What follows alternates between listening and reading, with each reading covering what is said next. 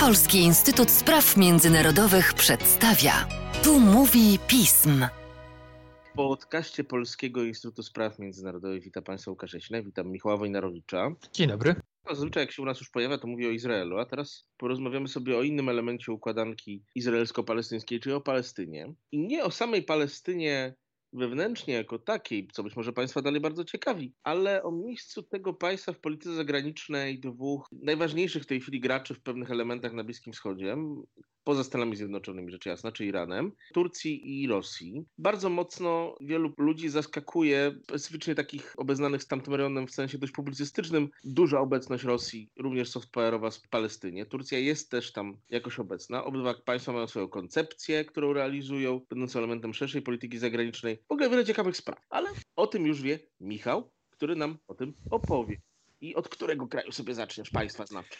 Może zacząłbym od obu, żeby nakreślić może te podobieństwa między, między tymi państwami, ponieważ oba, zarówno Rosja i Turcja, wykorzystują podobne mechanizmy i działania są oparte na bardzo zbliżonym jakby modus operandi. Wykorzystują też podobne uwarunkowania siłą rzeczy. Zarówno dla, no, należy zacząć od tego, że zarówno dla Rosji, jak i dla Turcji wsparcie dla Palestyny, dla sprawy palestyńskiej, dla Palestyńczyków, no jest to pewna kwestia dość koniunkturalna i oportunistyczna. Stosunki rosyjsko-palestyńskie i turecko-palestyńskie palestyńskie oczywiście mają mocną podstawę historyczną czy ideologiczną, co zmienia faktu, że to jest, Palestyńczycy są dla w ich polityce zagranicznej wszystkim przedmiotem, tak, elementem szerszej rozgrywki, elementem właśnie budowania swoich wpływów na, na Bliskim Wschodzie, ponieważ konflikt izraelsko-palestyński trwa już od wielu lat, nie ma perspektyw na jego szybkie i, i satysfakcjonujące dla obu stron rozwiązanie. Zmienia faktu, że on pozostaje wciąż punktem politycznego odniesienia, wciąż jest omawiany, wciąż jakby każdy poważny gracz, każdy, każde państwo, które to z jakiego się uważa i do takiej roli aspiruje,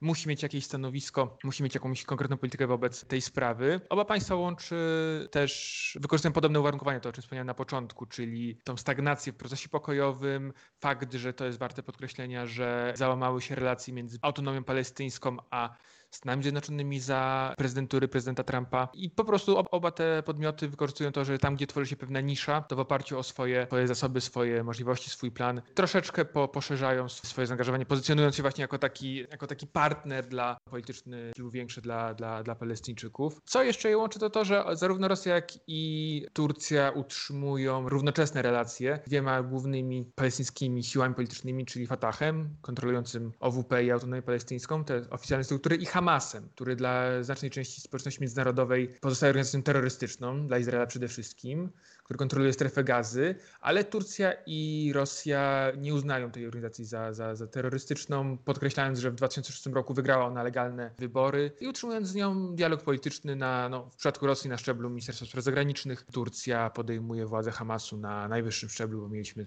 jeszcze w tym roku spotkania z liderami Hamasu w Turcji. E, no, spotkał się z nimi sam prezydent Erdogan, więc to jakby podsumowując te podobieństwa między a Turcją a Rosją.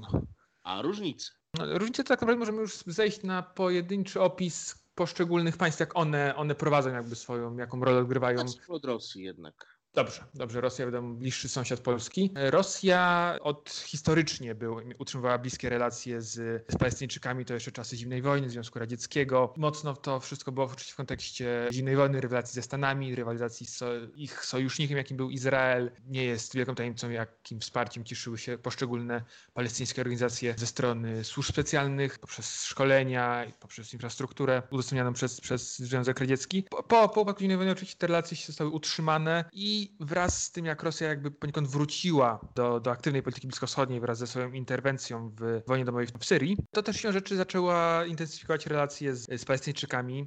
Jest utrzymany stały dialog na najwyższym szczeblu. Prezydent Abbas, nomen omen, absolwent y, Uniwersytetu Moskiewskiego, no, regularnie spotyka się czy konsultuje się z Władimirem Putinem. Były dwie wizyty samego prezydenta Rosji w autonomii palestyńskiej. A do tego jeszcze to, o czym wspomniałem wcześniej, czy ten dialog z Hamasem, ale też dialog z innymi innymi mniejszymi ugrupowaniami palestyńskimi, też stricte terrorystycznymi, tak jak palestyński islamski dżihad, czy też mniejszymi partiami, które jakoś tam funkcjonują w tym systemie palestyńskiej sceny politycznej. Oczywiście są całe związki y, gospodarcze, też jest bardzo istotny z punktu widzenia Rosji i właśnie tego, tej jej soft power, współpraca kulturalna, wiele miejsc świętych z, dla prawosławnych znajduje się właśnie na terenie autonomii palestyńskiej. No i mamy jeszcze ten cały aspekt y, regionalny, tak, czyli to jak Rosja się pozycjonuje, jak wykorzystuje Palestyńczyków w relacjach regionalnych. Rosja, krótko mówiąc, stara się pozycjonować jako taki gracz, jako taki mediator, tak, trochę zmusu na przykład jak dla Izraelczyków, którzy no, muszą trzymać bliskie i dobre relacje z Rosją z uwagi na ich obecność w Syrii, ale też właśnie zaangażowanie rosyjskie pozwoliło na przykład załagodzić napięcia między reżimem Asada a Hamasem, bo te oba podmioty się poróżniły na, jeszcze w 2012 roku. No i Rosja oczywiście też mocno krytykuje podejście amerykańskie do, czy europejskie do, do konfliktu izraelsko-palestyńskiego, proponuje swoje rozwiązania, bardzo mocno, już wielokrotnie proponowała przeprowadzenie rozmów izraelsko-palestyńskich i też aktywnie, podobnie jak Turcja, o czym może zaraz powiem, działa na rzecz porozumienia wewnątrzpalestyńskiego między Hamasem a Fatahem. Tu jeszcze no, ciężko powiedzieć o, o jakichś konkretnych wynikach, ale no, tym podstawowym narzędziem Rosji jest właśnie dyplomacja, jest wykorzystanie jakby luk tworzonych przez innych graczy. No, nie, nie może wykluczać, że będzie się w jakiś sposób pogłębiać. A jaką strategię ma w tym wypadku, którą opisywałeś przed chwilą Turcja? Turcja jednak działa momentami zupełnie inaczej niż Rosja, zwłaszcza w sferze dyplomatycznej. I nie jest to, co się dzieje na Bliskim Wschodzie, dla Turcji jedynie elementem cynicznej polityki międzynarodowej. Faktycznie Turcja ma jakby inne spojrzenie, mniej takie właśnie polityczne, znaczy inaczej, może nie wszystko jest polityczne bądź co bądź na Bliskim Wschodzie, ale to nie jest to podejście Rosji tego takie bardziej mimo wszystko globalne, jednak gra o ten udział właśnie przy negocjacjach izraelsko-palestyńskich, czy ogólnie wypracowaniu procesu pokojowego też warto dodać, że Rosja jest członkiem kwartetu bliskowschodniego, to, to też odgrywa pewną rolę, ale już skupiając się na Turcji, w tureckiej polityce też były pewna zmiana, której nie było u Rosji, u której to wsparcie dla Palestyńczyków było dość procesem dość ciągłym. Turcja była bliskim sojusznikiem Izraela przez, y, przez wiele lat. Zmieniło to się wraz z mm, dojściem do władzy Partii Sprawiedliwości i Rozwoju, partii Recipa Tayyipa Erdoana, która no, była dość sukcesywnie przyjmowała coraz mocniejszy propalestyński zwrot y, w swojej polityce zagranicznej. Y, dość takim symbolicznym pierwszym, jakby mocniejszym antraktem było, była ostra krytyka w Davos ze strony prezydenta, ówczesnego premiera Erdogana, który ostro zaatakował ówczesnego prezydenta Szymona Peresa za izraelskie działania na, na terytoriach palestyńskich. Potem mamy incydent z flotylną wolności, 10 obywateli Turcji y, ginie po zablokowaniu przez Izraelczyków blokady. No i tak jakby y, te, mówię o tym, ponieważ to przysłużyło się do załamania tych relacji z Izraelem, to przestało być punkt odniesienia dla, dla tureckich decydentów, utrzymanie dobrych relacji z, z tym państwem i można było wtedy mocniejszym frontem wspomóc y, i, i, i, działać na rzecz, na rzecz Palestyńczyków. Tak jak wspomniałem, to, to, to co charakteryzuje Turcję są właśnie te dużo bliższe relacje z, z Hamasem, bo no, Turcja udostępnia swoje terytorium dla tej organizacji, mogą tam działać różne fundacje, jest, jest jest mniej lub bardziej niejawne wsparcie od tego na najwyższym szczeblu politycznym po, po relacje już bardziej z zakresu służb, służb bezpieczeństwa. To spotyka się oczywiście z krytyką USA Izraela. No, Pamiętajmy, że Turcja wciąż jest y, członkiem NATO, jest częścią tego naszego transatlantyckiego systemu bezpieczeństwa, więc to jakby jest kolejny jeden z wielu pól konfliktu, jaki Turcja, Turcja otwiera sobie z, z, z europejskimi czy amerykańskimi sojusznikami. No i to też jest y, element takiej wewnętrznej, wewnętrznego podejścia Turcji do mieszczenia kwestii palestyńskiej jako większej sfery w relacji islamu. Prezydent Erdogan się szczególnie teraz mocno pozycjonuje jako obrońca islamu, jako rzecznik muzułmanów na, na, na świecie, dla których kwestia palestyńska jest wciąż, wciąż bardzo bardzo istotna. Dość powiedzieć, że chociażby Turcja bardzo, bardzo często wykorzystała organizację współpracy islamskiej do, do krytyki e, wszelakich działań e, Izraela czy, czy właśnie administracji Trumpa dotyczących Palestyńczyków. To służy oczywiście polityce wewnętrznej mobilizacji własnego elektoratu. Podobnie jak te wszystkie odwołania takie bardzo historyczne do otomańskiej przyszłości, tego, że Palestyna była, była historycznie częścią Imperium Osmańskiego i z Jerozolimą. Turcja bardzo obok innego wsparcia gospodarczego czy, czy humanitarnego mocno wspiera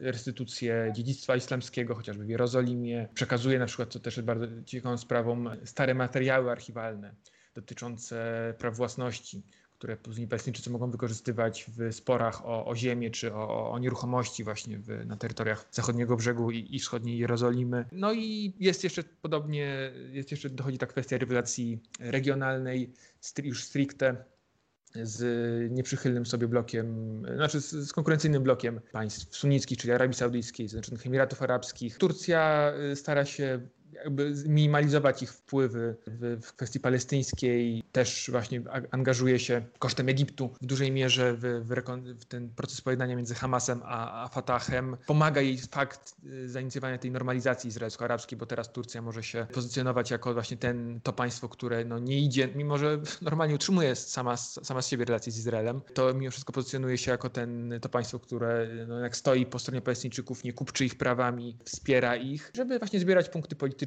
u społeczeństw y, na Bliskim Wschodzie, czy u dalszych partnerów. No można tutaj wymieniać jeszcze, że, że właśnie można wspomnieć chociażby o ostatnich rozmowach Fatahu i Hamasu w Stambule, które zakończyły się nie pierwszą deklaracją, że będą wybory, ale powiedzmy jest ona bardziej prawdopodobna niż, niż wcześniejsze. Turcja zapowiedziała pomoc w tym procesie. No, można by wymieniać jeszcze kilka, kilkanaście innych aspektów tych, tych relacji. Mają też one oczywiście swoje ograniczenia, ponieważ y, Turcja obecnie znajduje się w dość ciężkiej sytuacji gospodarczej, angażuje się w praktycznie wszystkie konflikty w najbliższej okolicy, więc to się trochę bardziej angażuje kwestię, uwagę tureckich decydentów.